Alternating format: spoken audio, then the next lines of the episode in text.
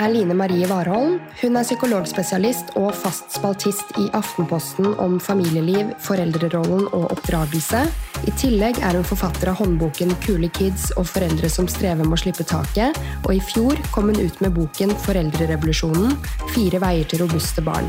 Barneoppdragelse er en kompleks reise som kombinerer utfordringer, glede og sårbarhet samtidig.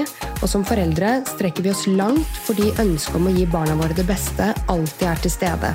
Baksiden med dette er som Line prater en del om, at det kan føre til overbeskyttelse, og at det kan begrense barnas evne til å takle utfordringer på egen hånd, lære viktige livsferdigheter, og hvordan det kan skape et enormt press hos barna.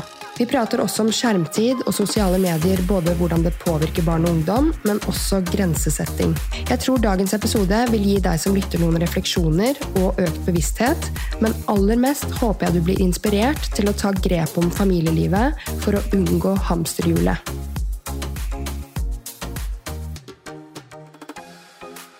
Hva inspirerte deg til å skrive Foreldrerevolusjonen? Fire veier til robuste barn?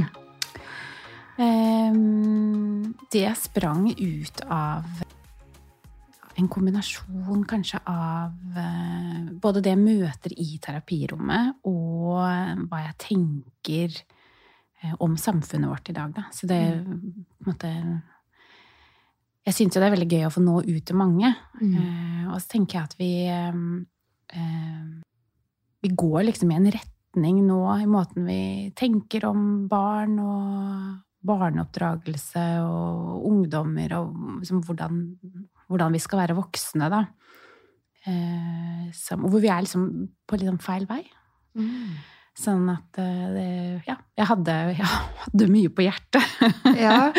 egentlig. Og så har jeg jo den spalten min i Aftenposten, sånn at jeg er vant til å få lov til å nå ut til eh, mange. Men, eh, men det er jo noe helt annet å få formulere eh, en mer sånn helhetlig tenkning da, i en bok. Mm. ikke sant? Hvor man får liksom forklare. Og det som er fint med den boka, er jo, eh, og som jeg liker veldig godt selv, er at det ikke er en sånn håndbok med masse tips og triks, men å ta med leseren inn på en refleksjonsrunde. Mm. Eh, sånn at vi, måte, vi voksne blir litt klokere.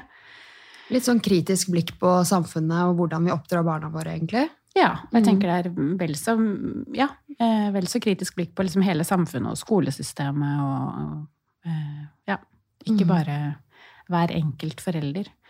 Men så er jeg jo opptatt også sant, at vi ikke bare skal sitte på hver vår tue og eh, kritisere systemene, men at vi også må huske på at hver og en av oss er med å forme den kulturen vi lever i. Helt enig.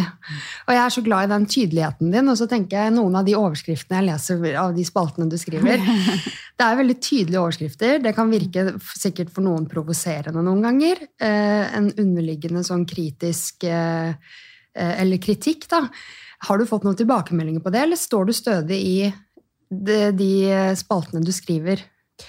Jeg får ganske mye tilbakemeldinger, eh, og det er både eh, positivt og eh, kritikk. Og det mm. setter jeg veldig pris på, da, å få de tilbakemeldingene.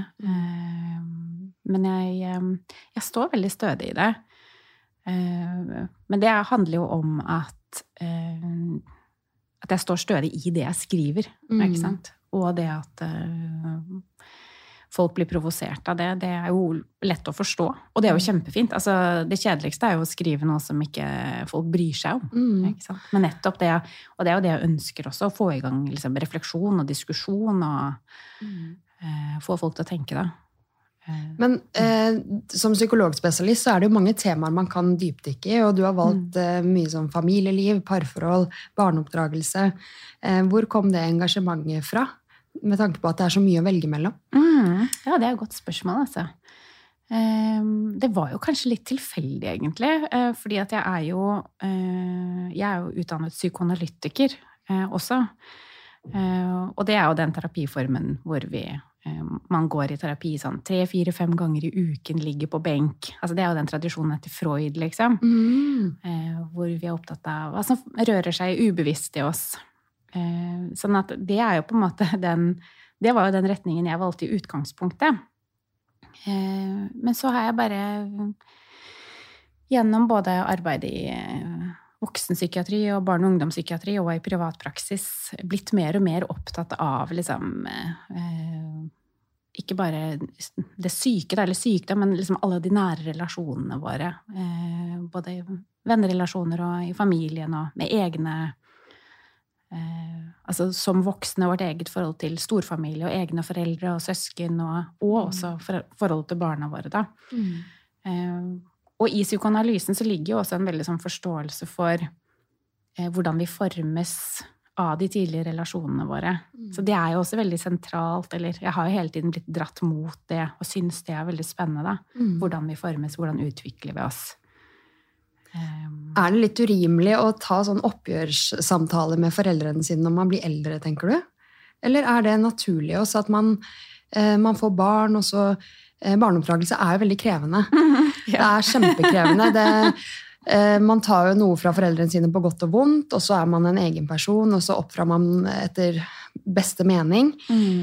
Um, men så er det jo mange som trenger den derre oppgjørssamtalen når de blir eldre. Mm.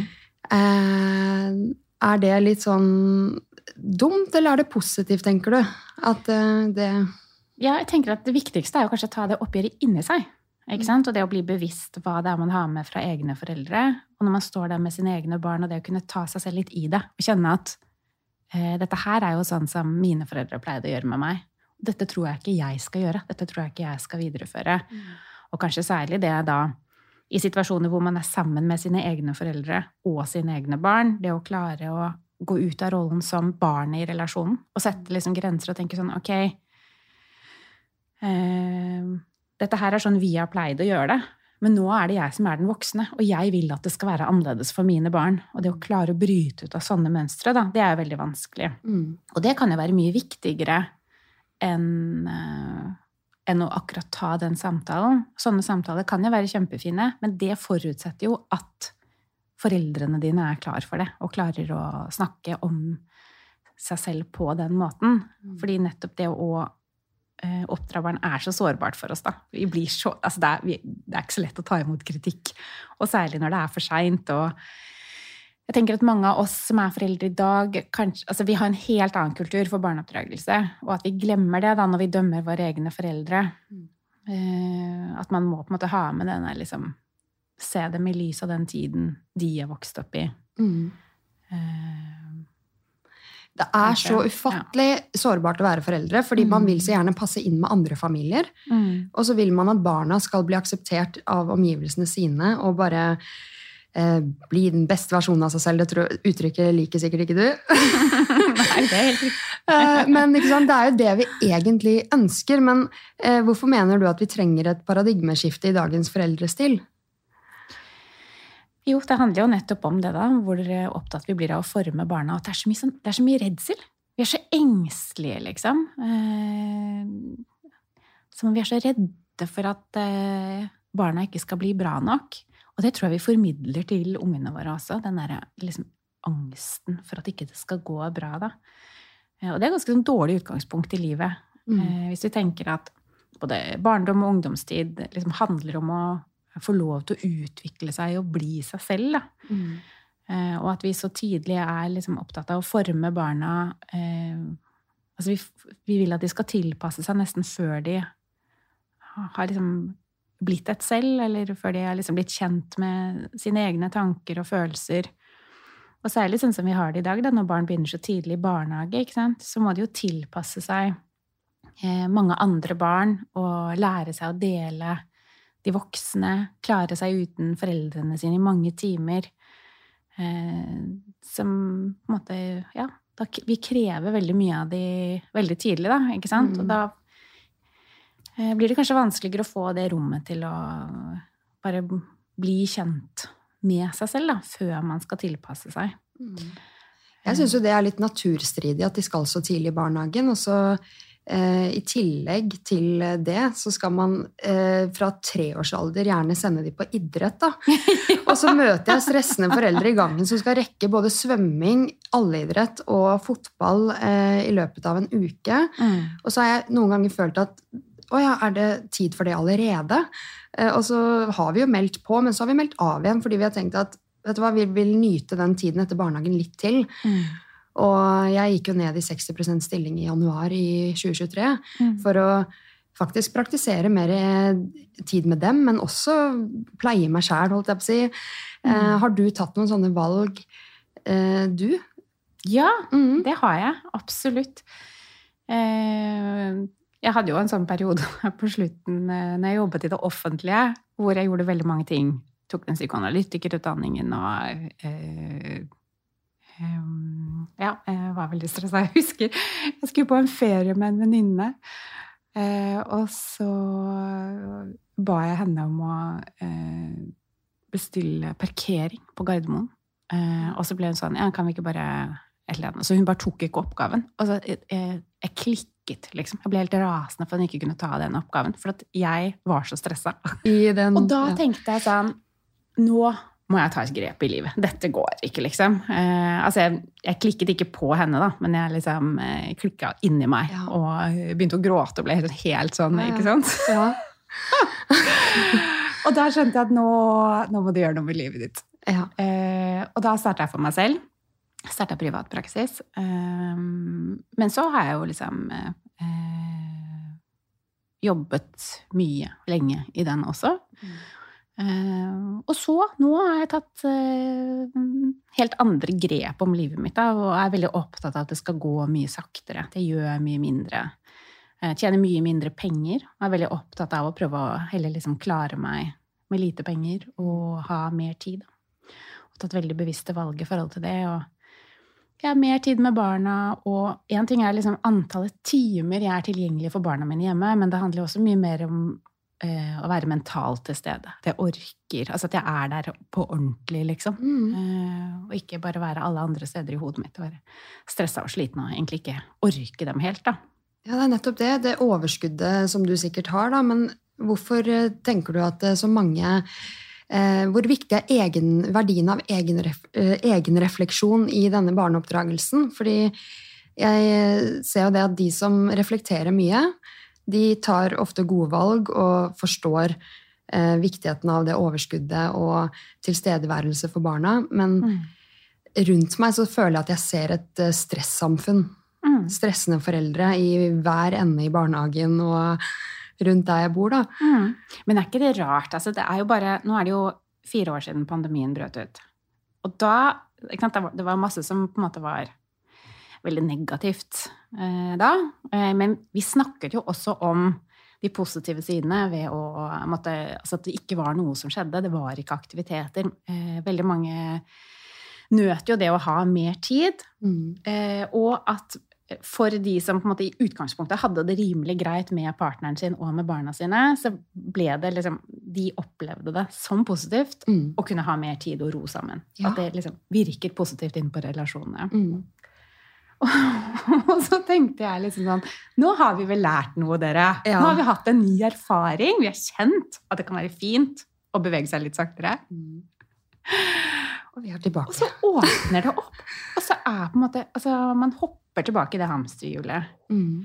Um, og så blir jeg sånn Det jeg blir sånn fascinert over da, er eh, at man At så mange liksom virkelig opplever det som at ikke de har et valg. Mm. Og det fascinerer meg. Både i forhold til å kunne si nei til fritidsaktiviteter og bestemme seg for at vi skal ha et roligere liv. Mm. Eh, og, eh, og det med liksom tidlig barnehagestart eller å ta eh, mer mm. ulønna permisjon. Ikke sant? Hvor folk, veldig mange sier at nei, men det har vi ingen mulighet til.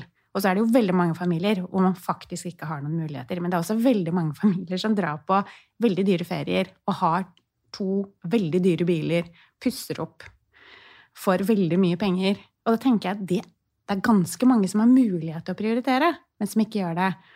Og det fascinerer meg liksom Mm. både på en måte eh, på det med å være hjemme lenger, og det med å ta grep om familielivet og tiden sin. At man ikke føler større frihet.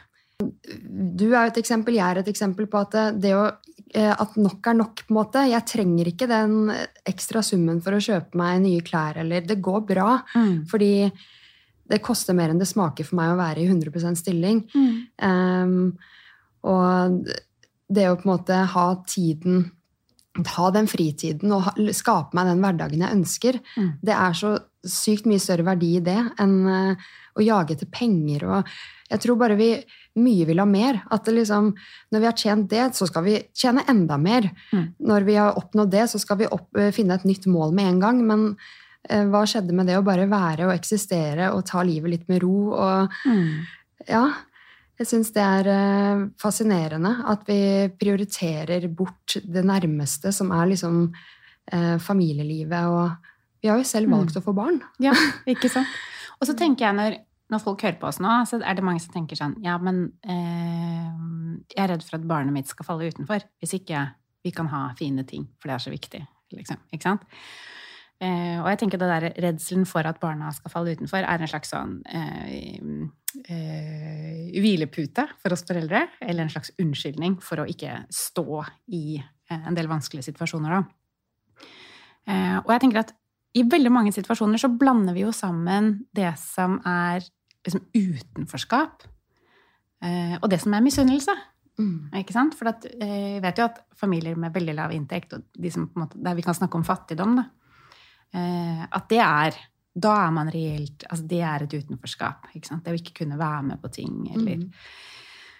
eh, men veldig ofte så blander vi det bare med at eh, ungene våre er misunnelige på andre unger. At vi orker ikke å stå i det. Vi orker ikke å se på at ungene våre har det sånn. da. Mm. At det er en slags sånn latskap eh, hos oss. Og at eh, vi kanskje ikke orker det selv heller. Å være misunnelig. Og orker ikke å se at andre har, har mer enn oss. liksom. Den utenforskapen det er noe av det jeg syns er vanskeligst å jobbe med som helsesykepleier på Mm. ungdomsskole. Yeah. Fordi det, det er så mye av det.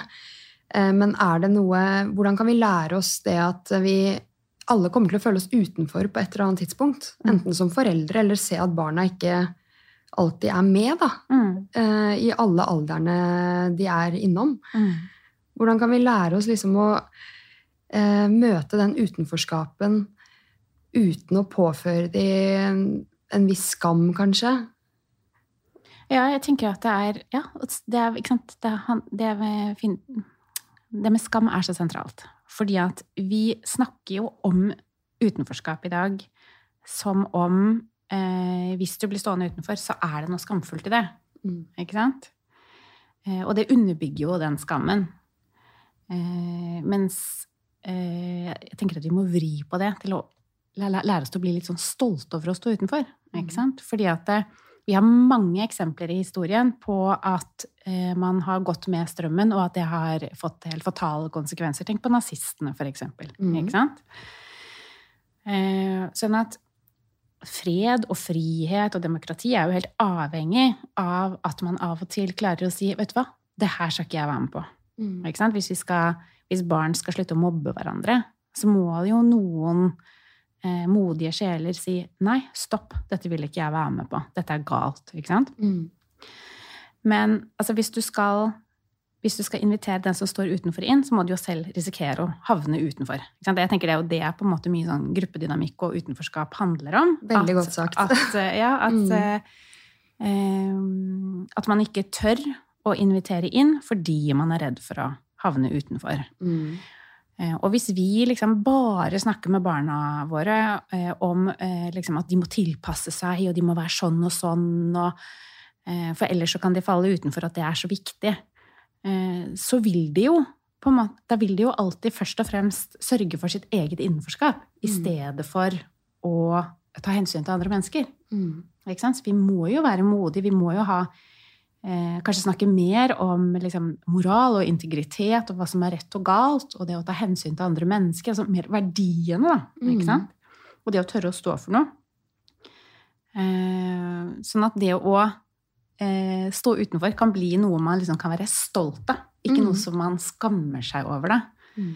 Eh, og jeg snakker jo sånn med mine egne barn også, at liksom sånn Ja, nei, hvis ikke Hvis de andre vil leke én ting, og du ikke vil være med på det, da blir du kanskje gående alene, og det er helt greit. Mm. Men sånn er på en måte livet. Du kan ikke bli sur for at hele den gjengen ikke gidder å være med på din lek. Altså, Mm. Sånn er livet. Mm. Og så må du enten da tilpasse deg, gjøre noe du ikke syns er gøy, Eller så må du finne på noe aleine. Og det å gå litt aleine, det er også helt greit. Hvis du heller vil det. Det er et valg du tar. På en måte. I stedet for at vi legger så mye sånn følelser i det, og så blir det så skummelt og så fælt. Og liksom, ja. Mm. Ja, fordi jeg digger jo at du er så tydelig. Og som vi snakket litt om i starten av episoden, kanskje det virker provoserende for noen. Men føler du noen ganger, kan du føle på et press over at siden du eh, snakker mye om denne foreldrerollen og familieliv, eh, jeg bare kan se for meg at hvis Jeg er jo veldig engasjert i de temaene selv, og det kommer sikkert en kronikk snart om, fra meg og på en måte om noen meninger, men ja, eh, så bra! ja, jeg er veldig engasjert i de temaene her. Jeg elsker å snakke om det. Men eh, Og så føler jeg at hvis jeg hadde da hadde dratt ungen min inn i barnehagen etter tre timer kjemping på morgenen, hyling og skriking, eh, så hadde jeg kanskje følt at tenk hvis noen her i barnehagen hadde sett eller hørt meg prate om dette, og så ser de meg nå. Og så føler jeg skam over eh, hvordan jeg på en måte håndterer barnet mitt akkurat i dag. Mm. Er det noe du har kjent på før? Sånn, eh, det presset på følge opp det du på en måte skriver, hvis du skjønner hva jeg mener? Ja, i mitt eget liv. Ja. Ja. eh, ja. eh, jeg blir jo veldig bevisst eh, Eller kan bli litt sånn selvbevisst i situasjoner med barna mine. Eh, at jeg tenker at folk eh, følger litt ekstra med på oss, kanskje. Scary! Se om en lever opp til Men så er jeg nok heldig også fordi at eh, det er noen av de tingene som jeg er opptatt av, som faller meg eh, ganske naturlig. Fordi at jeg har jobba så hardt med det selv. For I utgangspunktet så har jeg jo syntes det har vært vanskelig dette her med å finne ut hvordan skal jeg sette grenser, hvordan skal jeg håndtere mitt eget sinne. Så det å oppdage grensen altså forskjellen på det å være streng og det å være sint At Mm. hvis jeg er streng og kan holde, liksom være bestemt, eh, og sette de grensene som jeg trenger at vi har hos oss, så blir jeg jo ikke blir ikke strikken min Da ryker ikke strikken min. Da blir jeg ikke sint og urimelig, og, eller i hvert fall ikke så innmari. Ikke Mm. Sånn at jeg har jo jobbet veldig hardt for å finne ut av det eh, i meg selv og med mine barn. Ja. Så det står jeg veldig trygt i. Mm. Eh, og så syns jeg, i forhold til det med å tørre å stille krav til barn, og sånn, så syns jeg at det er veldig gøy. Ikke sant? Og gi dem sånn litt for store oppgaver. Mm. Husker, Sønnen min han er jo 18 nå, da, men han var ganske liten. Husker jeg da vi, vi skulle ha noe besøk, og så hadde jeg det litt sånn travelt, og jeg skulle gå og dusje, og så hadde vi bakt rundstykker, og så sier jeg bare til han, kan ikke du bare trille ut de rundstykkene? Så, han var sånn, han var veldig liten. Han bare så på meg med store øyne, liksom. Og så trillet han ut de rundstykkene mens jeg gikk i dusjen, liksom. Altså det å gjøre sånne eh, Ja, gi de litt store oppgaver, da. Det syns jeg er kjempegøy. Mm. Uh, og det å tenke sånn, ja, da blir de, da blir de rundstykkene sånn de blir. Mm. liksom. Ja, og du har snakket om dette før, det med eh, at barn og ungdom eh, finner mening i det å bidra. Og det må jeg også ta meg selv i, for jeg er veldig bevisst på hvordan jeg ønsker å være med barna, og hvordan barneoppdragelse jeg ønsker å gi. Og så, men så vet man jo ikke om hvordan måler man faktisk suksessen i barneoppdragelsen. Er det Mm. mulig å vite om man har lykkes i det? Fordi jeg tar meg selv i eksempel hvis eh, fireåringen er sånn 'Mamma, jeg vil hjelpe deg.' Det gjør han ofte. Triller bort en skjenk, og så skal han stå på kjøkkenet med meg. Så tenker jeg nå kommer dette til å ta ti minutter ekstra. Men så er jeg bare sånn, det er jo bare positivt at han vil bidra. Eh, enn at jeg skal være sånn 'nei, jeg skal fikse', jeg skal fikse, og liksom alltid avvise at han ønsker å kaste søpla. Mm. Han elsker å kaste søpla. Men ting tar jo ekstra tid. Men ja, jeg bare lurer på hvordan måler man suksessen i barneoppdragelsen? Hvordan vet man at man har lykkes, liksom? Uh, ja, og kanskje er det nettopp det som er uh, eh, en av de store utfordringene våre, at vi er så opptatt av å lykkes. ikke sant? Å måle et eller annet resultat. Det er jo helt, sånn er jo samfunnet vårt i dag. ikke sant? Og barna våre er jo sånn også. Det her med at de skal vurderes hele tiden. Eh, som det gjøres liksom i barnehagen og hele skolen. Og? At læringen handler om Du skal vise hva du har lært. Det handler ikke om å bare lære. Altså det å få lov til å utvikle seg, da. Mm. Eh, og det at vi også skal ha barna våre et eller annet eh, sted, eh, tror jeg gjør liksom både oss og dem litt sånn eh, stressa.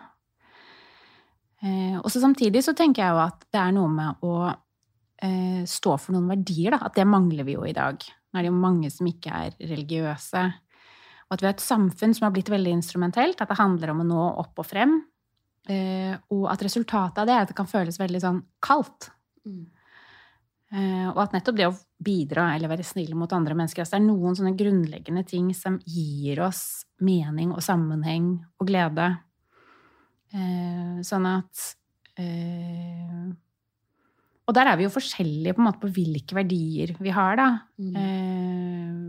Men det som jeg er mest opptatt av med mine barn, eksempel, er jo at de skal nettopp tørre å stå for noe. Og ha mm. sine egne meninger. Og, og, sta, og, ikke alltid følge med gjengen, da, men ha den stødigheten i seg selv. Mm. Og tørre å gå sine egne veier. Og så er ikke jeg så opptatt av hvilke veier de går, men Nei. at de tør det, og at de tar noen egne valg. Og så er jeg jo opptatt av at de skal på en måte både kunne sette grenser for seg selv, men eh, også ha en omtanke for andre mennesker. Da. Mm. Hvis ikke du tar vare på de rundt deg, så går det ganske dårlig i familielivet ditt da, som voksen. Ikke sant? Hvis ikke, du, hvis ikke du har det i deg.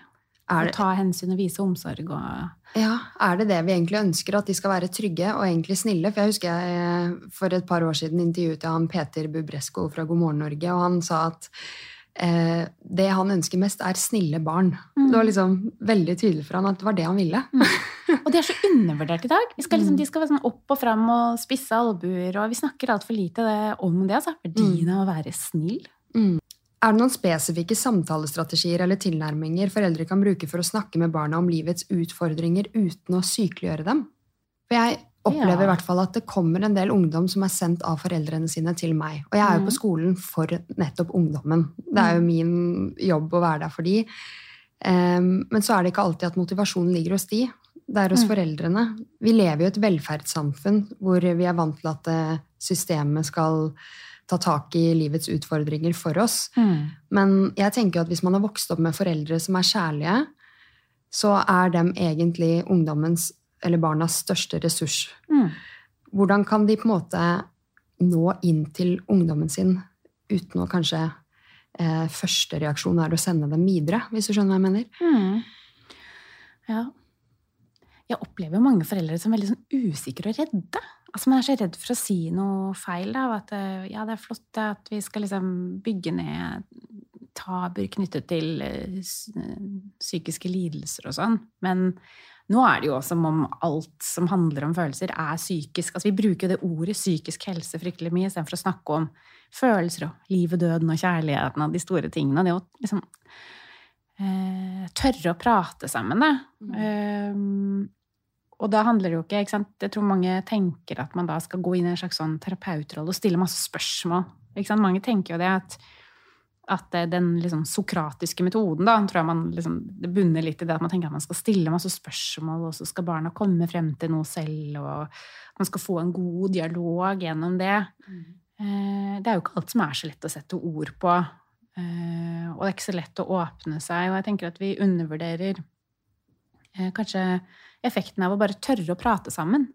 Og at det å snakke om seg selv og sitt eget liv, da, at, hvor vi som foreldre kan bli så opptatt av at barna liksom ikke skal få vite noe om oss, eller i hvert fall ikke få vite noe om de dårlige sidene våre eller de dårlige erfaringene våre, eller altså, at alt skal være så sånn polert. Mm.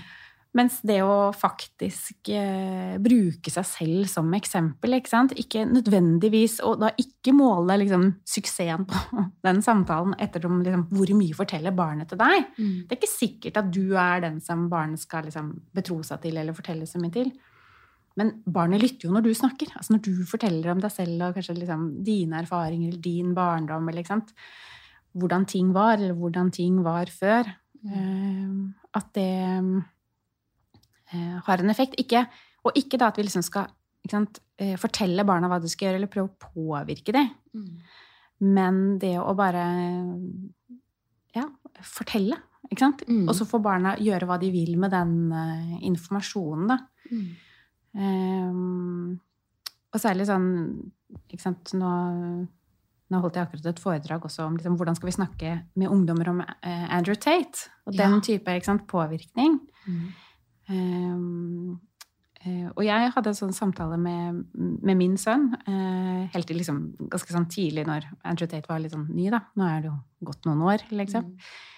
Uh, og hvor jeg, hvor jeg, dro på en måte litt de lengre historiske eh, linjene Mm. med hvordan fordi et av de argumentene som ungdommene bruker, ikke sant, er jo at det må jo være noe i det han sier når det er så mange som følger han.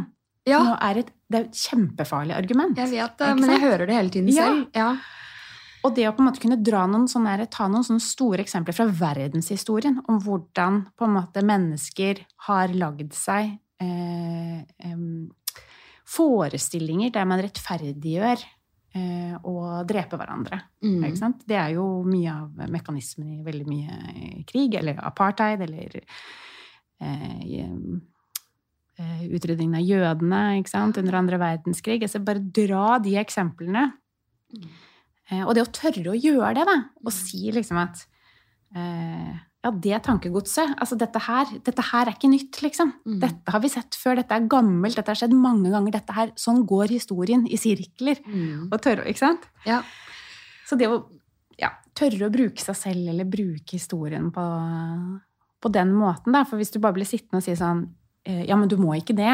Ikke sant? Det blir ikke noe ja. Mm.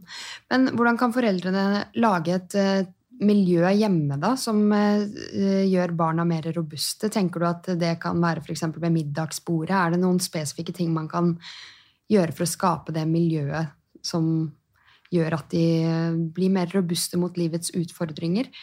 Få i gang den gode samtalen. Eh, snakke om livet. Altså, Som du nevnte, kjærlighet, død.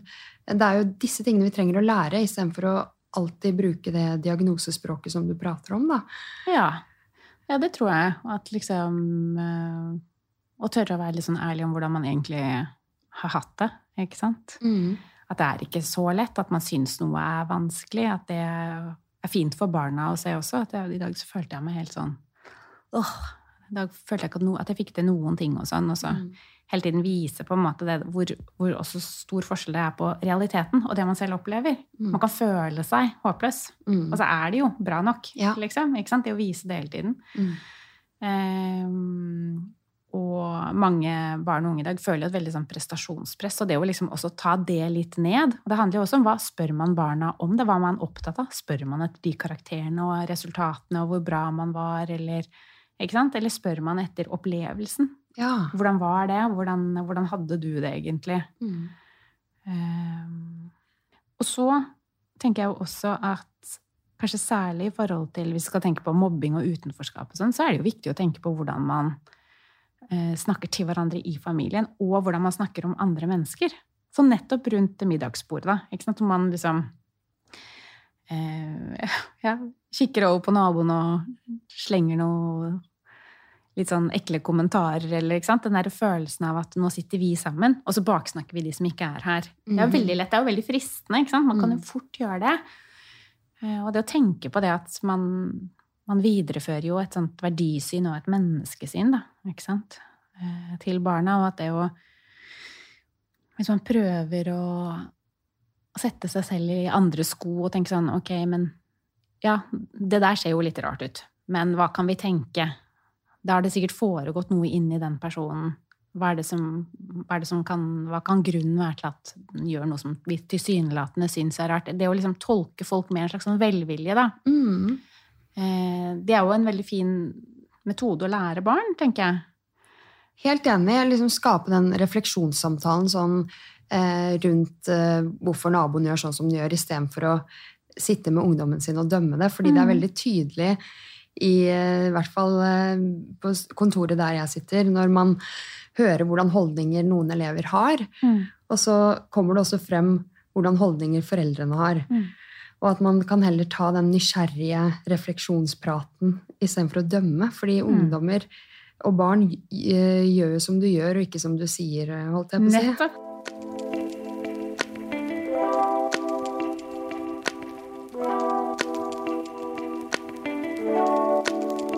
Men hvordan påvirker det barna eller ungdommens eh, utvikling eh, at man er den autoritære og kjipe? Fordi veldig mange vil jo bare ha et godt forhold til barnet sitt og unngå så mye konflikt som mulig. Mm. Men hva er konsekvensen av det, liksom?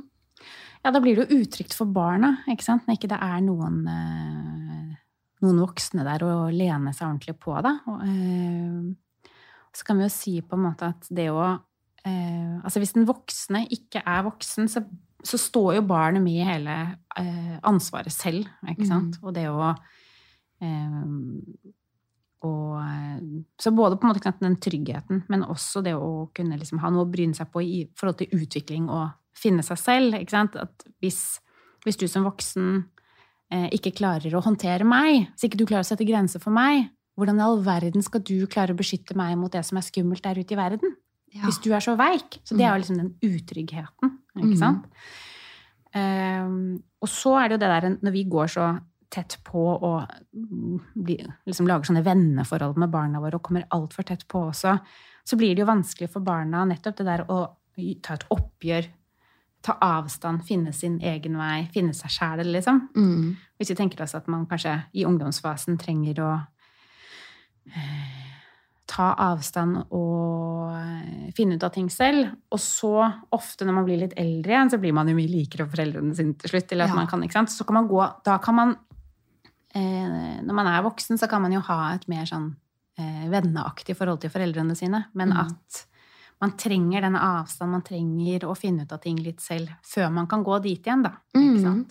Jeg har hørt deg skrive tidligere om at eh, i tidligere generasjoner sto man oftere i et felles opprør mot et system eller mot foreldrene. Mm. Og at i dag så er unge mer og mer eh, De har mer aggresjon mot seg selv. Mm. Eh, alt ligger til rette, de får alt og har ingen andre å skylde på enn seg selv. Og det kjenner jeg skikkelig igjen i, fordi mm. jeg snakker med så mange ungdom som er så ressurssterke. De har venner, de har familie.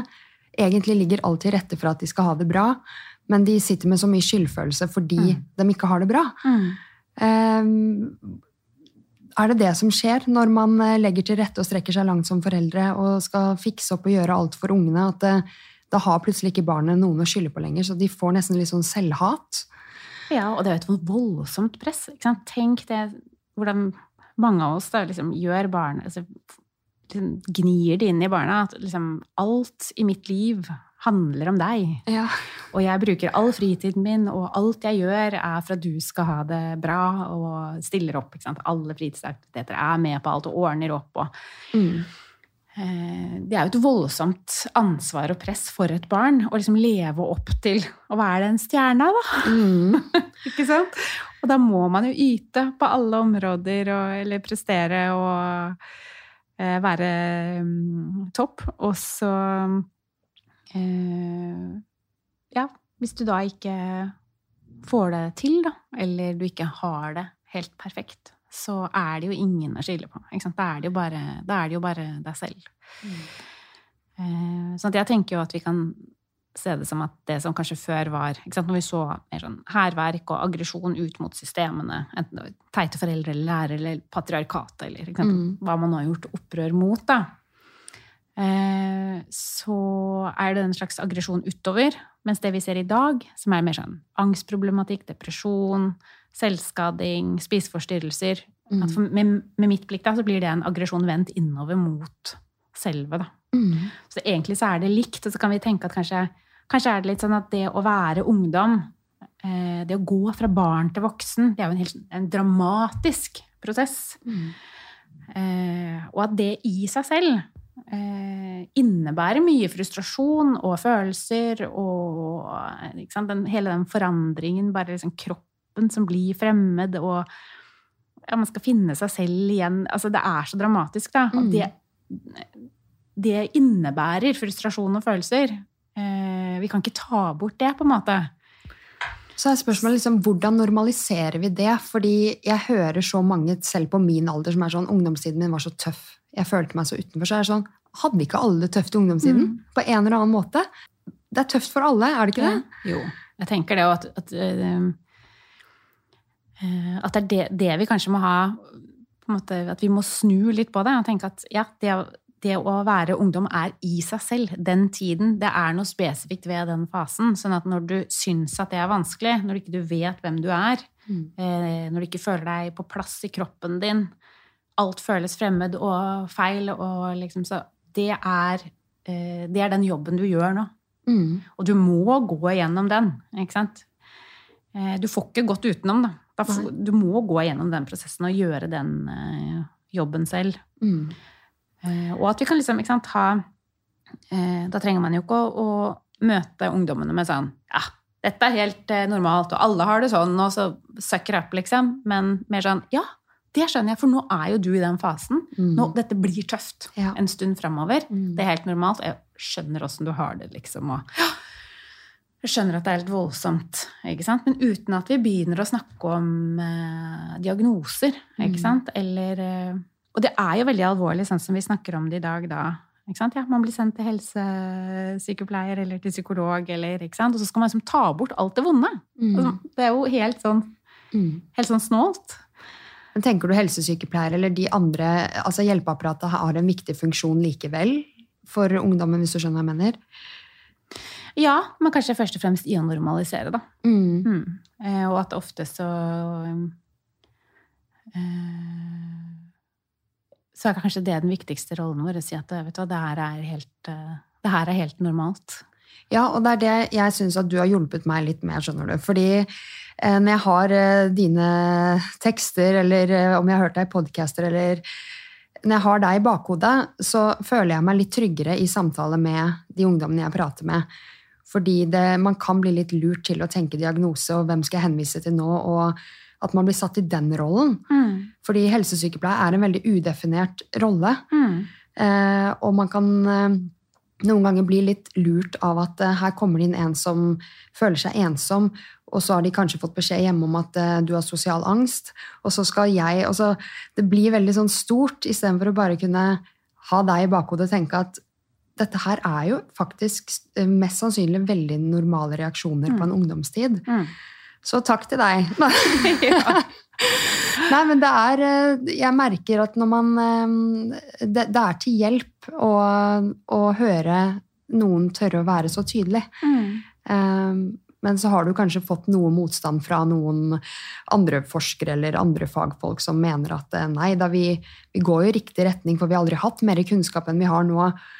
Men jeg er jo, ser jo også det du fremmer, Mm. På en måte. Ja, og så tenker jeg ikke at når, når man sier sånn eh, Ja, det må være he, flere helsesykepleiere, de må være tilgjengelige. Og jeg husker Jeg har jo liksom gjort litt sånn nummer ut av det, da, men det var eh, Det var jo en som skrev eh, eh, Var det på den der sidesiden til Aftenposten, kanskje? Eller om det var på NRK Ytring, det husker jeg ikke. Men eh, en ung gutt som skrev at eh, eh, det må jo være mer Altså helsesykepleier må jo være tilgjengelig når vi trenger det. Kan ikke bare være der noen dager. Fordi at eh, han eller hun må jo være der når vi, når vi har en dårlig dag. Ikke sant? Og da tenker jeg sånn, ja, sånn er det blitt. Altså man tror at når man har en dårlig dag, så trenger man helsepersonell. Ikke sant? Det er jo veldig crazy. Ja, det Når du har en dårlig dag, så eh, kan du trekke den eh, hettegenseren litt lenger ned i panna, eh, eller du kan snakke med vennene dine, liksom. Mm. Ja. Faktisk. Ikke sant? For det handler jo ikke det er, det er ikke psykiatri. Nei. Du trenger ikke helsepersonell når du har en dårlig dag, faktisk. Det er helt normalt. Ja, og så er det jo litt forskjell sånn som fra før, da når jeg var tenåring. Ja, vi hadde MSN og sånn, men jeg kunne fortsatt eh, låse meg inne og gjøre liksom, det som falt meg inn for å redde dagen min når jeg var ungdom. Mens nå Mm. så er det jo eh, sosiale medier, og jeg vil eh, selvfølgelig inn på det også. Fordi eh, nå blir det så tydelig om de er med eller ikke med, hva andre gjør, sammenligning. Da tenker jeg jo sånn, hvor, Har du noen, enten fra terapirom eller forskning, eh, sett hvordan påvirker faktisk sosiale medier tenåringshjernen, når vi faktisk ikke har en ferdigutvikla hjerne engang? Mm. Ja, eh, nå kommer det jo sikkert masse forskning sånn etter hvert, man får liksom For det må jo ha gått litt tid, og man Ja, det tar jo tid å forske på ting. Eh, men eh, nå er det jo på en måte i hvert fall en veldig sånn generell opplevelse av at vi alle får dårligere og dårligere mm, oppmerksomhet og konsentrasjon, ikke sant? Eh, og så er ikke jeg noe nevropsykolog, sånn at jeg vet ikke på en måte da liksom hvor, hvor plastisk eller ikke det er, om det er liksom, ja, hvor sånn permanent skade vi gjør, da. Så det skal jeg være litt sånn forsiktig med å, å si. Men eh, hele liksom ungdomstiden? Hvis vi tenker at den utviklingen som skjer i ungdomstiden, uh, er krevende, man skal finne seg selv, uh, og så sykeliggjør vi jo mye av de følelsene.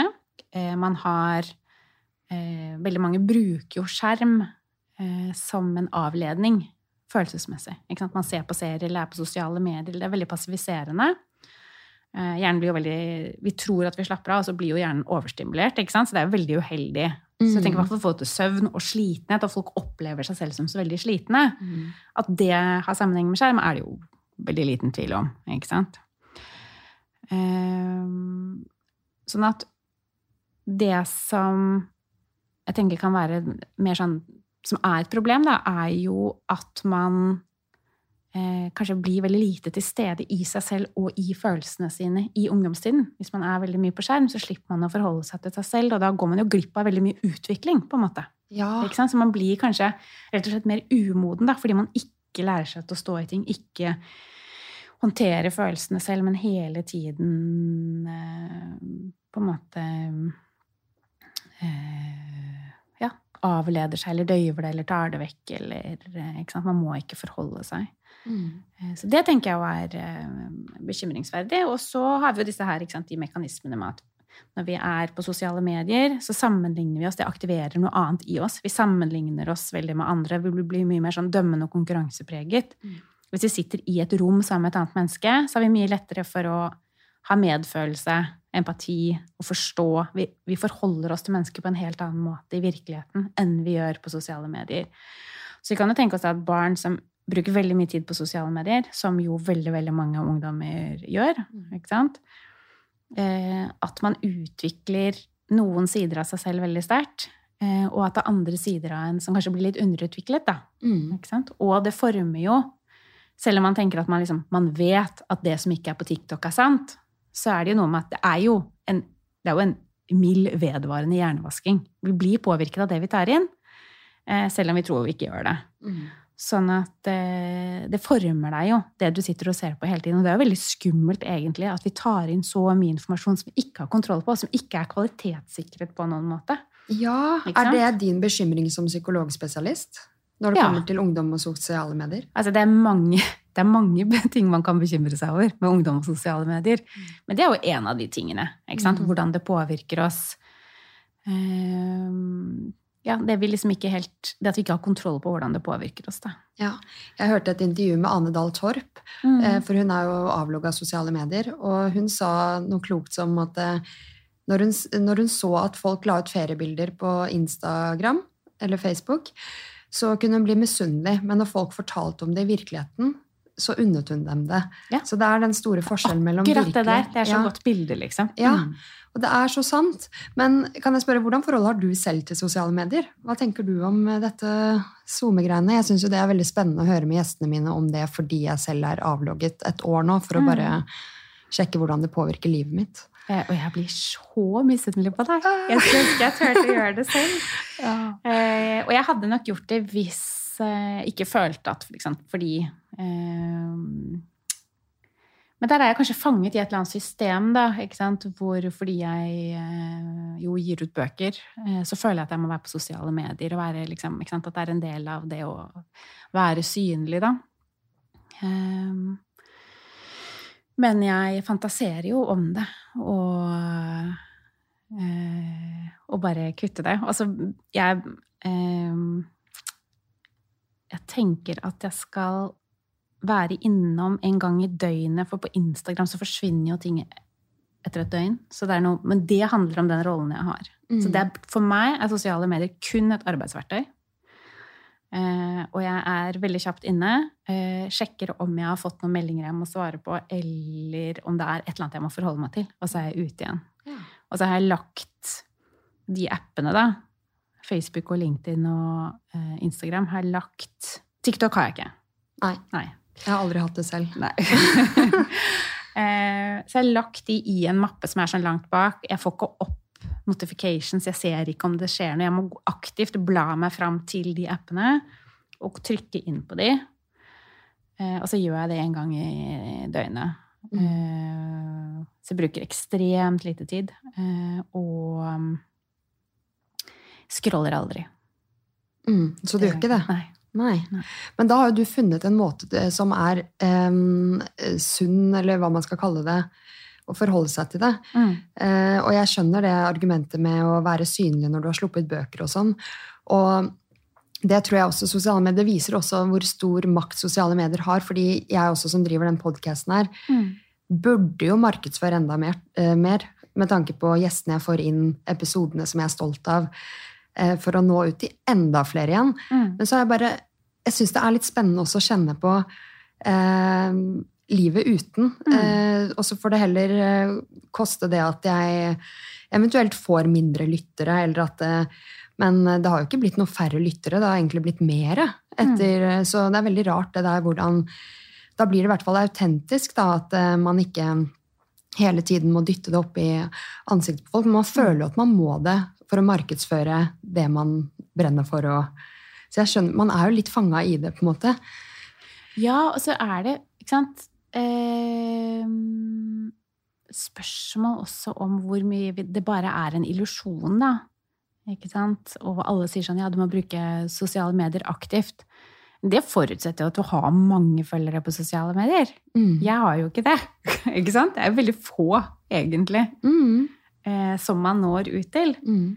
Eh, Men jeg tror at det er så viktig, og alle sier at det er så viktig. Så vi, sant? Vi lag, på den måten så lager vi jo en, En sannhet som en kanskje sannhet ikke ja. Nei, som kanskje ikke er der. Godt poeng, faktisk. Og at eh, eh, Det som Eller i hvert fall sånn helt personlig, så er det jo Hvis det er folk jeg kjenner, og som jeg stoler på, som jeg har liksom, ja, en eller annen slags tillit til Hvis de sier 'du, den podkasten, den må du høre på', eller 'denne boka' Ikke sant? Mm. Det er, jo, det er jo de anbefalingene som påvirker meg. På sosiale medier så er det jo det er så enorme mengder informasjon. Mm. Sånn at alt forsvinner jo også. Ikke sant? Mm. Alt blir jo bare en grøt, en saus. Ja, det gjør det. Eh, Og tenk hvor mye tid man bruker. Jeg hørte Ole Petter Gjelland, hjerneforskeren, sa at barn som er født- i 2022, eh, vil bruke mer enn 11 år av livet sitt innen de har fylt 80, hvis de vil ha samme skjermvaner som det vi har nå i dag. Da. Mm. Og det skremmer meg skikkelig, og jeg ser jo det også når jeg kartlegger sosiale medier-vaner i helsesamtaler på skolen. Jeg skremmes sånn av at det er liksom 6, 7, 8, 9, 10 timer daglig. Det er helt sjukt. Og så er det til og med mobilfri skole. Ja, det er helt, Det er sånn, eh, hvordan helt kan- sprøtt. Ja, hvordan kan foreldre da sette grenser for barna sine? Fordi vi er jo gode på å sette grenser i visse situasjoner. Mm. Du har jo kommet med et eksempel på liksom Hadde barna dine sagt at de skulle henge på et kjøpesenter med 20-åringer som du visste rusa seg, eh, og alle vennene til barnet ditt henger der, og så vet man at liksom Ja, man har rett til å være på de sosiale arenaene som andre barn er. Men da hadde man liksom ikke nølt med å sette den grensen og sagt nei, du får ikke lov å dra på kjøpesenter og henge med de i Drammen, f.eks. eksempel. Yeah. Men når det kommer til sosiale medier, der har jeg inntrykk av at eh, foreldre sliter skikkelig med å sette en grense for barna sine. Mm. eh, Når det er ti timers skjermtid hos veldig mange. da. ja, det gjør man. Og der tenker jeg også at ikke sant? Ja, det er jo på en måte en rettighet barn har, det å være på de sosiale arenaene andre barna eh, er. Og så har de også rett til beskyttelse. Ja. Og det glemmer vi. At det er også vår plikt eh, å beskytte barna. Ikke sant? Og, og jeg tenker jo at uh, det er som om altså vi, er liksom, vi voksne har blitt enige om at dette med skjerm uh, Det er så vanskelig. Der er det så vanskelig å sette grenser. Uh, og, og når vi sier det mange nok ganger, så blir jo det en sannhet at vi slipper å sette grenser. Ja. At vi slipper å ta det ansvaret. Og at det blir sånn at når ingen andre tar det ansvaret, så trenger ikke jeg heller. Mm. Ikke? Det var helt ko-ko.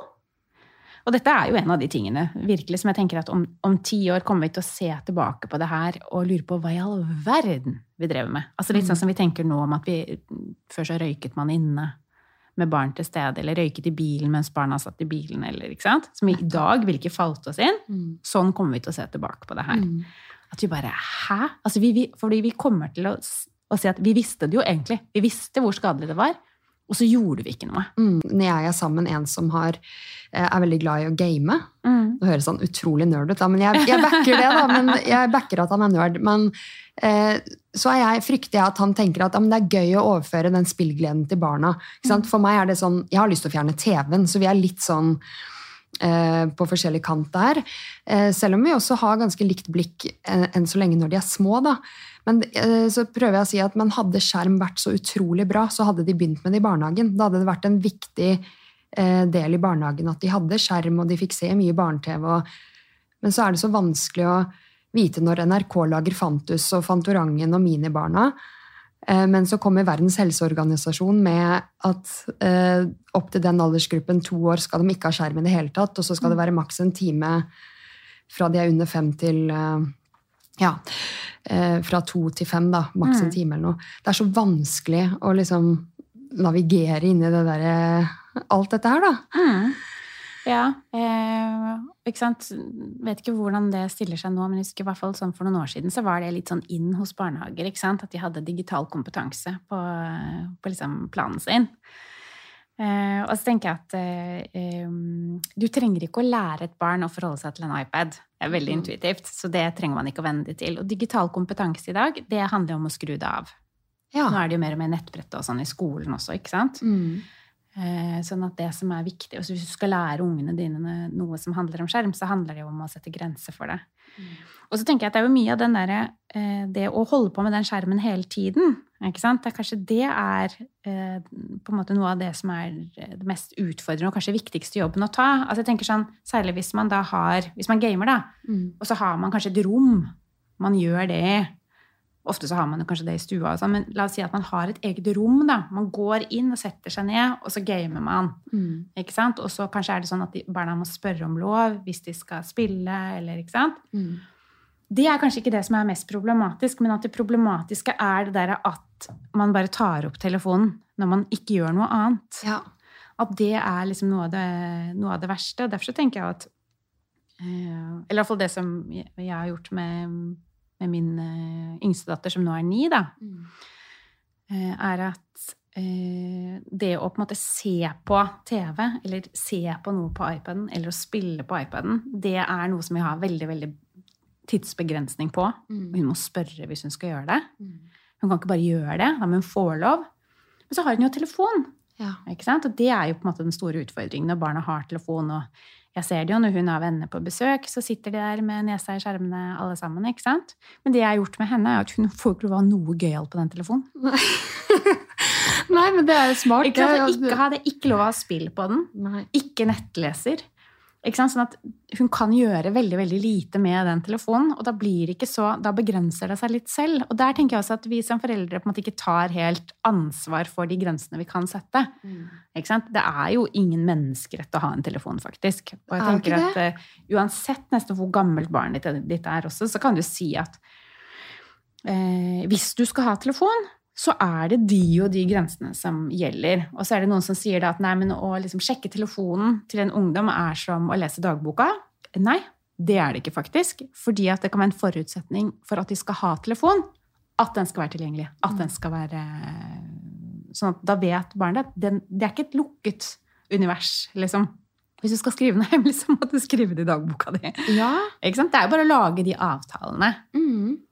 Eh, og vær tydelig på det. Altså, hvis ikke du klarer å forholde deg til de avtalene, så, så kan du ikke ha det. da. Det gjelder jo på en måte sånn sånn skjermtid også. Det fins jo masse sånn Jeg har ikke helt oversikt over det, men det fins jo masse apper og masse funksjoner på telefonene nå Mm. hvor du kan begrense det eh, veldig, da. Mm. Ikke sant? Hvor du kan jo på sosiale medier også, så kan du jo legge en sånn sperre, sånn at du har fem minutter per dag på sosiale medier, eksempel. Ja, ja. Og så bare låser det seg. Da Ja. slipper man jo å tenke på det. Ja. Så er det mange som bryter ut av den. Da, bare sånn, jeg bare ga meg selv litt mer skjermtid, eller Men Men der snakket har jeg hørt om et veldig veldig bra triks. Ja. Det er at du eh, setter en kode på skjermtida di. Mm. Altså for at du skal Altså du må låse opp med en kode. ja. Og at det er en annen person som har koden. Oi, lurt! Herregud. Da kan man love hverandre Jeg hørte noen ungdommer som gjorde det. Hvor Ja. det var eh, eh, hvor det var kompisen som hadde koden til eh, sosiale medier. Og så hadde de lovt hverandre at ikke de skulle gi hverandres kode før det hadde gått et år. Herregud, det er jo kjempesmart. Og da var det sånn, da hadde de satt liksom en sånn begrensning av så og så mange minutter per dag. liksom. Ja. Nei, for jeg tenker jo, Foreldre må jo også være et godt forbilde når det kommer til skjerm. Hvis man skal si nei til barne-TV, eh, og så sitter man i stua og barna leker, da er det jo kanskje litt eh, uhensiktsmessig å sitte og scrolle selv Mm. med telefonen. Mm. Det er det dette prosjektet altså, med å logge av et helt år for min del. Min største motivasjon var jo barna, fordi jeg Mm. merker at min største skremsel er sosiale medier. Mm. Det er det jeg er mest redd for, at det skal ta mest tid, at jeg skal se tilbake på dems barndom og tenke herregud, så mye skjerm det ble. Mm. Hvorfor var vi ikke tydeligere? Så der har jeg faktisk bygget en sånn selvtillit på at der står jeg stødig. Mm. Eh, og så tror jeg det er eh, fint for andre foreldre å høre deg si at man må bare være litt trygg i å ta den rollen Mm. og lage avtaler med barna. Fordi det, de er jo ikke modne nok til å lage den avtalen med seg selv når de er 9, 10, 11, 12, 13 år. Nei, det er altfor stort ansvar å legge på små barn. Ja, Ja. Men eh, er det noe forskning som Jeg vet jo at det er forskning på barn, men er det noe forskning på ungdom når det kommer til anbefalt skjermtid? Eller noe Nei, du tenker en- er lurt? Ja, Én ting er jo liksom hva som er anbefalt, men man vet jo litt Man har jo forsket ganske mye på hvordan det påvirker eh, å være på sosiale medier. Ikke sant? For at ofte når man hører forskere snakke om skjermtid og sosiale medier, så sier de nei, det er veldig vanskelig å eh, finne noen ordentlige sammenhenger, da. Mm. Eh, altså de statistiske sammenhengene. Man klarer ikke å finne sammenheng mellom psykisk helse og skjermtid, f.eks. Eh, men det som er ganske robuste funn på, er eh, hvor mye tid man bruker på sosiale medier, sånn Instagram-aktige. Der hvor, du, hvor det blir veldig aktivert det derre sammenlignings... Altså man blir misunnelig, man sammenligner seg. Eh, hvor mye tid man bruker på det, Mm. eh, og psykisk helse, særlig depresjon, særlig hos jenter i ungdomsalderen. Mm. Den er ganske robust. Ja. Eh, og da ser man at eh, det handler om hvor mye tid man bruker. Og så er det jo vanskelig i dag eh, å kreve av barna sine altså Det er veldig vanskelig å kreve av en 16-åring at de ikke skal ha Instagram eller TikTok eller Ikke sant? Mm. Men det er veldig nyttig å vite at hvor mye tid du er, spiller en veldig stor rolle. At det påvirker, det påvirker hvordan du har det faktisk. Mm. ikke sant? Så det er jo på en måte det ene, hvordan det påvirker oss sånn. Eh, og så er det jo det med, med tidsbruk. Ikke sant? Det er jo et paradoks i dag hvor man liksom skal se så ung ut, og noen fabler om sånn evig liv og sånn. Mm. Og så bruker vi, så, og, og man snakker om tidsklemme og alt mulig, og så bruker man så sykt mye tid på telefonen. Jeg vet det. Som bare er å klippe ut. Mm. Og det er jo også et argument som er på en måte mer sånn, kanskje lettere for ungdom, for de stresser veldig med at alt de skal rekke, at ikke de skal kaste bort tid. Ikke sant? Mm. Og da er jo telefonen det er jo et sluk. Det er jo, det er jo på en måte å kaste tiden din i søpla. Ja, det er det. Tidsopplevelsen også forsvinner jo på en måte, ikke sant? Mm. Eh, sånn at eh, å Der tenker jeg at vi voksne kan liksom støtte de veldig i at dette her er veldig veldig vanskelig å håndtere. Du må ha Altså det å legge på låser er Mm. veldig lurt. Mm. Eller å slette TikTok, for eksempel. Eller? Og at vi må på en måte gjenta det ofte nok. At du føler at du slapper av når du scroller, eller når du ser på noe. Mm. Hjernen din blir overstimulert. Du får ikke energi av å være på en skjerm. Nei. Du lurer deg selv. Mm.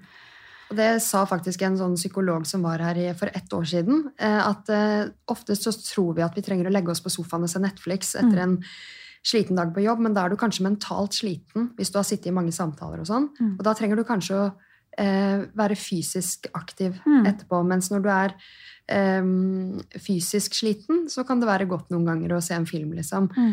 Men vi tror at vi trenger den derre eh, stimuleringen av skjerm for å slappe av. Men eh, og hvis vi kjenner godt etter, så tror jeg alle merker at man kan bli veldig sliten og kanskje til og med irritabel hvis man er for mye på skjermen. Mm. Jeg merket i hvert fall det, at jeg hadde sånn underliggende dårlig samvittighet veldig ofte og var litt sånn irritabel, og så kan det hende at eh, alle de eh, informasjonen og inntrykkene jeg fikk, trigger noe i meg Mm. som jeg ikke helt klarer å sette fingeren på. på en måte. Mm. Um, men hvordan tenker du at det, det påvirker familielivet eh, når vi skal dele alt det fine på sosiale medier? F.eks. ferier og sånn. Mm. Ja, ja, det syns jeg jo er uh, underlig at man gjør. Ikke sant? Det derre utleverende i det. Eh, og så Og som jeg skriver om i boka mi òg, så det er jo en av mine fire veier til robuste barn, handler jo nettopp om det der veldig overflatefokuset vi har, og som vi jo på en måte overfører veldig til barna våre ved at vi tar bilde av alle Altså når kameraet skal opp i alle viktige situasjoner, Mm. eh, så formidler du jo at det er hvordan det ser ut, Mm. som er viktig. Og så ved at du deler det i sosiale medier, så blir det jo også på en måte eh, Det gjør noe med eh, verdien av den opplevelsen man har hatt sammen. Mm. Og så gjør det jo noe med en idet et kamera kommer fram. Så forsvinner jo oppmerksomheten vår bort fra det vi egentlig holder på med, Ja. Til det kameraet. Så det ødelegger jo alle settinger. Hvis du prøver å ta bilde av barn som leker, eksempel, så ville de stoppe opp og fryse. De, Ja. Magien forsvinner ut av eh, Ja. øyeblikket med en gang. Mm. Så du ødelegger alltid egentlig øyeblikket når du prøver å forevige det. Og du tar ut verdien av det. For da, da, blir du, da sier du jo til de rundt deg at det vi har sammen her nå, det er ikke nok. Jeg må på en måte bruke det og vise det til noen andre for at det skal liksom få Verdi. eh, ordentlig eh, verdi, da.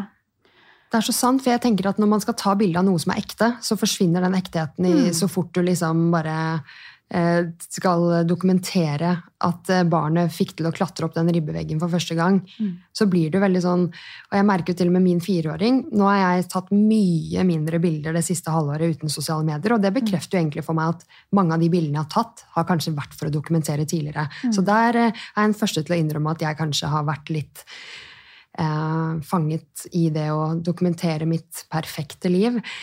Men eh, nå kan han på en måte si fra på den måten at eh, hvis jeg sier 'smil', og så gjør han seg sint, eller Mm. bare han, for han, så er jeg sånn Ok, vet du hva, så jeg vil ikke tvinge på et smil, jeg vil ikke ødelegge en lek, jeg vil ikke eh, Jeg bare merker at jeg har blitt mer bevisst på det ved å Mm. få den pausen, for jeg føler jeg tenker mer selv enn at jeg skal bare gjøre det som saueflokken gjør Mm. og dokumentere alle de reisene vi er på. og Vise liksom, Vi har jo altså, gode og dårlige dager som alle andre, Mm. men uh, de færreste har sett våre dårlige dager bak husets fire vegger. på en måte. Mm. Så um, jeg støtter skikkelig det du sier, at um, uh, ja, man eh, tar dem ut av leken, eller liksom det stopper opp da, idet Mm. man skal putte mobilen opp i ansiktet deres. Jeg Mm. tenker også eh, Snapchat, da, besteforeldre og sånn, vil jo gjerne ha oppdatering om hvordan går det med barnebarna og sånn. Så er jeg sånn, men da får dere heller møte de. Fordi de var sånn, åssen kan du logge av et helt år? Og, eh, så er jeg sånn, eh, nei, men jeg orker ikke å filme de på vei til barnehagen og bare si, dette var en fin morgen, og liksom, eh, fordi det er barna mine det går utover hvis jeg skal hele tiden dokumentere hva vi gjør i løpet av en dag. Mm. Bare for å please besteforeldres behov, på en måte. Ja, det tenker jeg er så viktig å klare å liksom ha et bevisst forhold til det, og sette de grensene som man trenger å sette da. Mm. Ikke sant? Og den respekten det er for barna. De skal liksom først og fremst leve sine egne liv. Ikke, ikke? Ikke, de skal ikke føle at, barn, at, at barndommen deres er, foregår på en scene, liksom. Mm. Med en, et publikum. Altså, det er jo helt grusomt. Ja, det er egentlig det når man ser på det sånn. Ehm, men hvordan kan man hjelpe barna da å på en måte utvikle en sunn balanse mellom online og offline aktiviteter? For eh, det digitale har jo kommet for å bli. Mm. Ja, og jeg tenker at eh, den generasjonen kommer til å være mye bedre enn oss på det. Og du ser det jo eh, ikke sant? Det er sånne småtrender som dukker opp med at ungdom har sånn telefonfri mandag, og noen av de kjøper seg sånne dumme telefoner som de går med, eller i hvert fall bruker det av og til. og at Akkurat som vi på en måte i dag eh, vet at vi må forholde oss til hva vi spiser. Vi må ta bevisste valg hvis vi skal leve rimelig sunt. Sånn tror jeg det kommer til å bli med at vi blir mye mer bevisste på det digitale, og at vi ser det jo allerede at kanskje er de mest ressurssterke som klarer å sette de grensene, så kommer det til å bli vanligere og vanligere å ha et ordentlig bevisst forhold til, eh, til skjermbruk, da. Um, og så stiller det jo krav til uh, Det stiller jo høyere krav til foreldrene ikke bruke skjerm. Veldig mange bruker det jo som uh, barnevakt. Mm. Ikke sant? Når de rådene fra Helsedirektoratet kom om skjermtid for de minste, Ja. og at det ikke skulle være skjerm for barn under to år, så kom jo de svære overskriftene i avisene med en gang. på at Det var helt umulig, og nå måtte man ikke gi småbarnsforeldre dårlig samvittighet. og eller annen firebarnsmor som sa at nei, det var helt umulig for henne å få dagen til å gå rundt uten å bruke skjerm for de minste. Og da tenker jeg sånn, da har du fått for mange barn. Når det gjelder eh, altså skjermtid for de minste, for nå har vi snakket litt om liksom, hvilke konsekvenser har sosiale medier og liksom mye skjerm for de større barna, men for de aller minste barna så er det jo kjempealvorlig. Ja. Ikke sant? Eh, og dess mindre, dessverre. Altså det å forholde seg til fjes på en skjerm som ikke responderer på deg. Altså det, er jo, det, er jo, sånn altså Det første året særlig, det er jo da hele det indre apparatet til barna utvikles. Og det utvikles jo i kontakt med mennesker, og hvordan vi smiler og responderer på barna. Det er jo sånn de lærer å regulere sine egne følelser. Mm. Altså Setter du små barn foran en skjerm, så er det jo det det er ikke noe tvil om at det er ødeleggende for utviklingen av hjernen. Mm. Ikke sant? Nei, Nettopp det at, at, eh, barnet ikke får respons på seg selv. At det mm. ikke er kontakt. Ikke hvis man tør å være litt nysgjerrig på hva skjer hvis jeg ikke setter på skjermen nå, jeg er sliten, barnet lager mye lyd, man eh, blir oversensitiv på de høye skrikelydene og sånn, men det å sette i gang en lek da, For jeg har erfart mm. å være på den andre siden hvor jeg har brukt skjerm før de fylte to år, eller mm. før han eldste fylte to år. Hadde mye dårlig samvittighet for det. Det var før de anbefalingene kom. Eh, og så var jeg sånn Åssen skal vi gå bort fra dette? Men det å bare faktisk sette dem i lek, eh, bli med på leken mm. og stå i de grensene man har satt seg. Det er ikke egentlig så vanskelig, og jeg trodde aldri jeg skulle komme dit. Nei. Men det er, det er, noe med å tørre å stå i at det er, blir kanskje hylling og skriking fordi de ønsker den skjermen mm. i noen dager, men så respekterer de etter hvert grensene du setter, mm. hvis man bare står i det. Men før vi går over på de faste spørsmålene, så lurer jeg på, kan du bare oppsummere kort sånn fire veier til robuste barn? Ja. ja. Eh, for det er jo det den siste boka mi handler om, og den kommer nå i pocket. Uh, ja, ja, Så for de som ikke fikk kjøpt den til den dyre prisen, så kan vi få den til den billigere pocketprisen. Ja. Eh, ja. Eh, nå snakket vi jo litt om dette med måte, overflaten, det er jo en av de fire veiene. Hvordan vi i dag eh, hele tiden vurderer oss selv og barna, og at vi får en måte å tenke på hvor vi hele tiden vurderer og ser oss selv utenfra, og at jeg er redd for at barna mister litt om kontakten med sin egen indre opplevelse. Det, hvordan, hvordan, det bare oppleves, i stedet for at det hele tiden blir sånn at noe er bra eller dårlig hvis jeg har mestra det, eller hvis jeg har fått Altså, det er den vurderingen som blir liksom avgjørende, og at det å bare være i verden uten å gjøre, eh, at det blir eh, vanskelig. Og jeg merker at når jeg snakker om den forskjellen med ungdommer, så er det en del av de som ikke skjønner hva jeg mener. Det er ganske illevarslende. For jeg tenker vi kan, vi som er voksne, kan hoppe liksom mer ut av det. At vi kjenner at vi kan switche på det. At vi liksom vi kan kjenne igjen det at vi forsvinner inn i oss selv og bare er til stede i en opplevelse og bare opplever noe, mens de, noen av de ikke skjønner hva jeg mener når jeg snakker om det. Mm. Um, og så uh, er jeg opptatt av hvordan vi um, er så opptatt av individet, og at individet skal opp og frem, og prestasjon, ikke sant? og hvordan vi glemmer hvor viktig det er uh, å få lov å være en del av fellesskapet. Mm. Vi snakker om ensomhet og utenforskap. Men vi snakker veldig lite om eh, verdien av å bidra inn i et fellesskap. Hvis du bare skal tenke på deg selv og din egen prestasjon, så blir du jo eh, Det er jo noe veldig ensomt i det. Det går på bekostning av fellesskapet. Sånn at det å skifte eh, til å Altså snakke mer om fellesskap og verdien av å bidra, da. Ikke bare fordi at hvis vi er mer inkluderende og tenker mer på fellesskapet, så vil jo da vil, havne, da, vil, da vil, jo på en måte ikke så mange havne utenfor. Mm. Så det er ikke bare det, men også det at ved at du bidrar til å gjøre noe godt for andre, så gjør jo det noe med deg. Altså Det er godt for oss å gjøre noe godt her i verden. Mm. Det å bare tenke på seg selv er veldig ensomt. ikke sant? Og det å få den Altså, du kan ikke eh, Hvis du prøver å gjøre noe godt, da, eller prøver å bidra med noe, så får du på en måte ikke Du får ikke feila. Det, for det er ikke avhengig av om det blir perfekt. Det har en verdi i seg selv å bare gjøre noe godt eller prøve å gjøre noe godt for noen andre. Mm. Det er umulig å mislykkes, på en måte. Eller, ja, ja, det er det faktisk. Å være nyttig for andre. Være nyttig for andre. Mm. Eh, og så handler det jo om eh, Så det er to av veiene. Den tredje veien er eh, sykeliggjøring. Det å forholde seg til følelser i stedet for å være så raske til å kalle alt som er ubehagelig, for eh, for eh, syk, da. Mm. Eh, og vi er opptatt av hvordan vi bare bruker språket vårt i dagligtalen. ikke sant? Vi bruker jo ordet stress om alt mulig rart. Eh, alt fra at noe er litt komplisert eller kjedelig, liksom, til at man har veldig mye å gjøre. Og ingen av de tingene er jo egentlig stress. Det er jo ikke en stressreaksjon, egentlig. Mm. Ordet sjenert bruker vi jo nesten ikke lenger, ikke sant? Barn som er sjenerte, de kaller vi jo i dag Da sier vi jo at de har sosial angst, eller at de mangler sosial kompetanse. Det er veldig sånn Det er jo veldig kalde ord, og det er veldig sånn ja, definerende og sykeliggjørende. Eh, eller eh, hvis man ikke liker å holde presentasjoner eller være så synlig, som jo er helt, egentlig helt normalt, så er vi raske til å kalle det for liksom angst istedenfor nervøsitet. Og mm.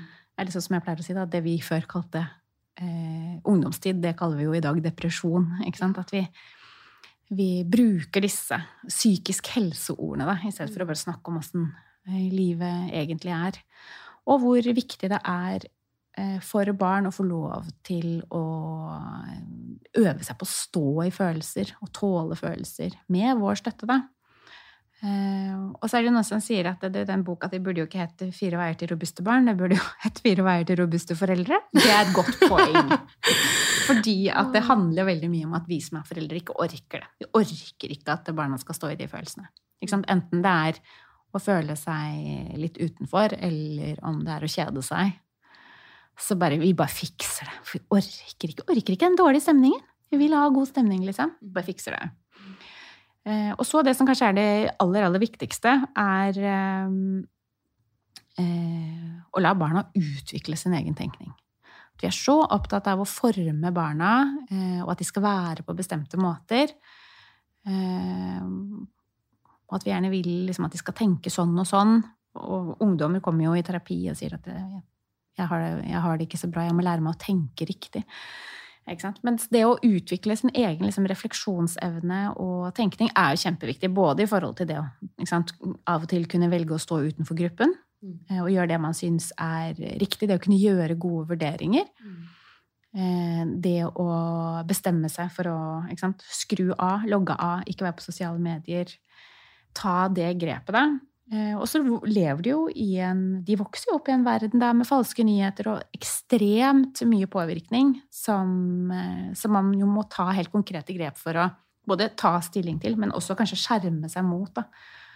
Sånn at i den verden vi lever i i dag, det at hvert individ kan tenke og reflektere, er jo viktigere enn noensinne. Fordi eh, mye av den beskyttelsen som lå i strukturene våre før, den, den, er jo ikke der lenger. Man får hele verden helt sånn ufiltrert rett inn. Mm. Så vi trenger jo reflekterte, oppegående individer som på en måte kan stille kritiske spørsmål og ta stilling til det de får servert. At de kan ikke bare sluke alt rått, liksom. Mm. Eh, så det er liksom Ja. De, de fire, fire, veiene. veiene. Mm. Ja, herregud, det er kjempeinspirerende å høre på.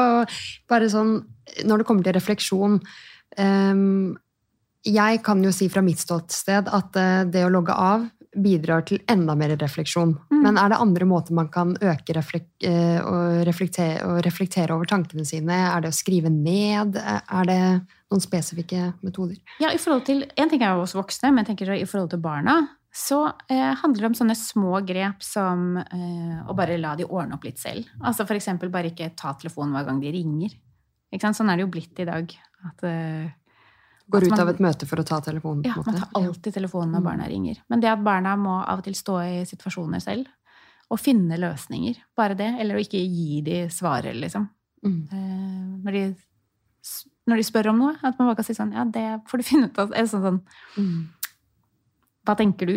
Eller det kan du velge selv, eller det er opp til deg, eller ikke sant. Og særlig når det gjelder litt sånn større valg i livet, da. Mm. Burde jeg ta det eller det faget, eller burde jeg studere det eller det? At vi er forsiktige med å gi for mange råd. Mm. Men å i hvert fall få det til å tenke selv. Liksom, ja, hva, hva tenker du egentlig? Hva ja. mener du om det? Ja, f.eks. i russetiden. da, At mm. man kan eh, tørre å ta egne valg og ikke må være på buss, f.eks. Mm. Det er jo veldig relevant, for, for, det starter jo allerede på ungdomsskolen, som du snakker om. Ja. Det å skulle være på buss på videregående. Um, ja, Og det at foreldre da må våge å si sånn Ja, kanskje det. Kanskje ikke, kanskje ikke ungdomstiden først og fremst er fest. Og vi vet jo det. Det blir aldri for seint med en fest. det er ikke noe farlig å være utenfor eh, det i ungdomstida, liksom. Og så vet jeg at på noen videregående skoler så, så er du faktisk ordentlig utenfor. Eh, hvis ikke du er på buss. Og det tenker jeg er et sånt problem som vi voksne bare må klare å sette en stopper for. Det er, det er jo helt hårreisende, egentlig. At vi mm. lar det fortsette. Er det da man skal være den eh, tørre å gå ut og være sånn Hei, skal vi samles en gruppe med foreldre og snakke om hvordan vi kan foreslå russetiden for ungdommene våre på denne skolen? Mm. Er det en mulig måte å gjøre det på? Ja, altså jeg tenker at vi, eh, vi, voksne, både som foreldre og i skolen i dag, altså vi eh, må ta et grep om den altså Russetida er jo ikke det det var. Jeg tenker at Det er et sånt gode man ikke har klart å forvalte, liksom. Mm. Det har tatt av. Man må jo bare Jeg vet ikke, kan vi ikke bare avskaffe det, på en mm. måte? Altså ikke noe mm. eh, Og så er det jo eh, vi voksne vi er, så, vi er, jo så redde for å bli kjipe, da. Så vi, sånn at vi, En ting er jo på en måte at vi kan, kan kanskje ikke bestemme oss for å avskaffe rusttida, men vi kan gjøre utrolig mye for å ikke legge til rette for det. Og det gjør man jo ikke. ikke sant? Eh, man prøver jo å tilpasse. Mm. Men det å på en måte bare gjøre det skikkelig vanskelig jeg sånn, Nei, det er ikke noe eh, Vi hjelper ikke til med det. Vi mener at det burde eh, Burde dere gjøre på en annen måte, eller ikke sant? Og, ja tørre å bruke de midlene vi faktisk har, da. Mm. Ikke sant? Og jeg tenker at ungdommene selv vil jo det er jo, ingen, det er jo, veldig veldig få som trives med ordningen sånn som det er nå. Alle syns jo det er veldig veldig stressende.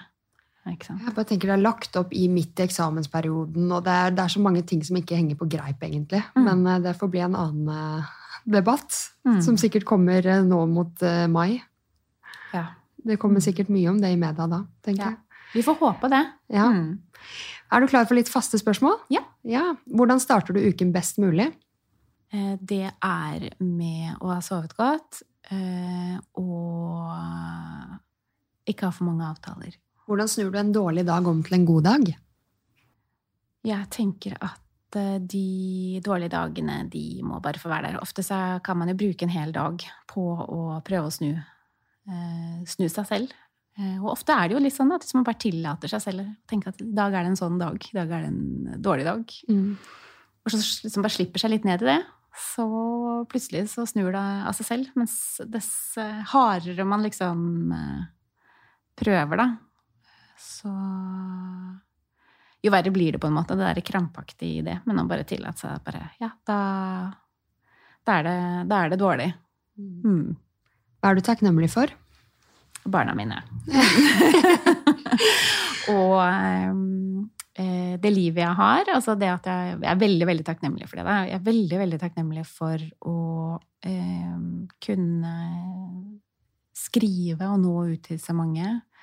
Og nå er jeg rundt og holder mye foredrag og sånn og det å få lov til å, å gjøre det, eh, og få lov til å være med å påvirke, det er jeg, Det tar jeg ikke som en selvfølge. Jeg er skikkelig, skikkelig takknemlig for det. Hva inspirerer deg? Eh, mennesker som mener noe, vil noe og eh, engasjerer seg. Eh, sånne som deg. Særlig det at du har klart å logge deg av, eller altså ikke er på sosiale medier. Det syns jeg er skikkelig, skikkelig inspirerende.